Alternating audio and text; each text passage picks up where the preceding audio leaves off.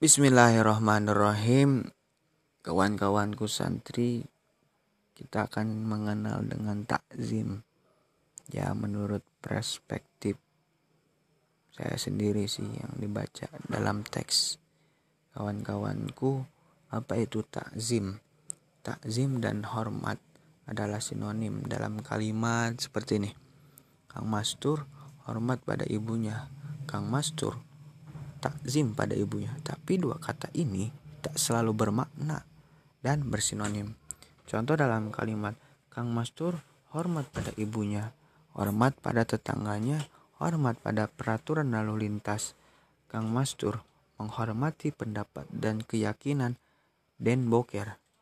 Kang Mastur mendapatkan kehormatan memimpin doa.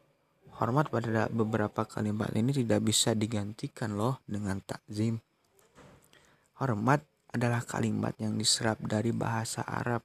Menurut makna aslinya adalah berarti setiap aktivitas menjaga diri kita agar tidak lancang, agar tidak merusak, agar tidak melanggar. Kalau di bahasa Arab kan al-hurmatu hiya at-taharruju anil mukhalafati wal mujasirati.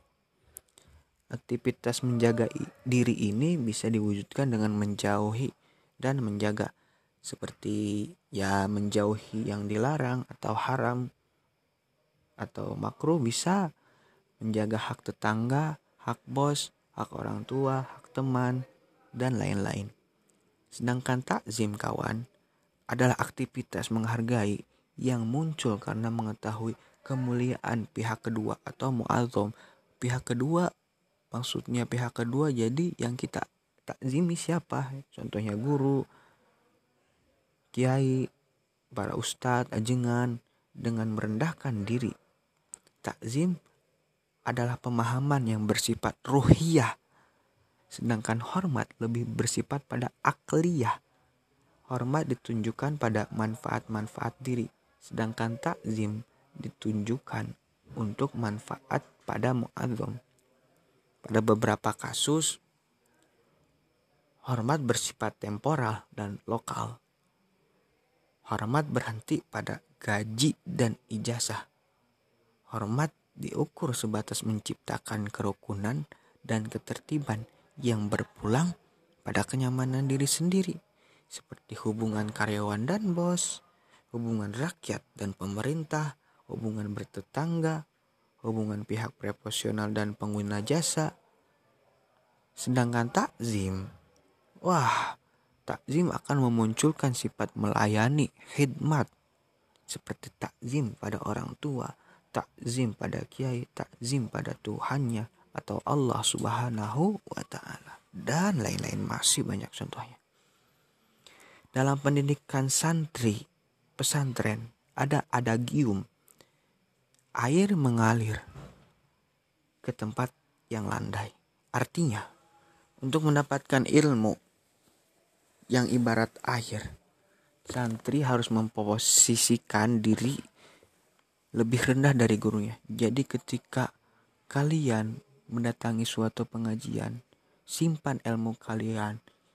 Ketika kalian mendatangi suatu pengajian, Jangan bawa ilmu kalian. Jadilah orang bodoh ketika ketika mendatangi pengajian tersebut. Tadi situlah ada gium pendidikan pesantren.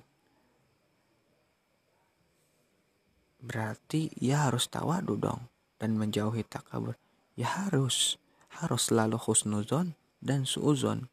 Husnuzon berprasangka baik dan suuzon adalah berprasangka buruk harus selalu jujur dan menjauhi gibah, hasut, hikdu, kidib, dan kepalsuan, kepalsuan sikap dan ucapan yang lain.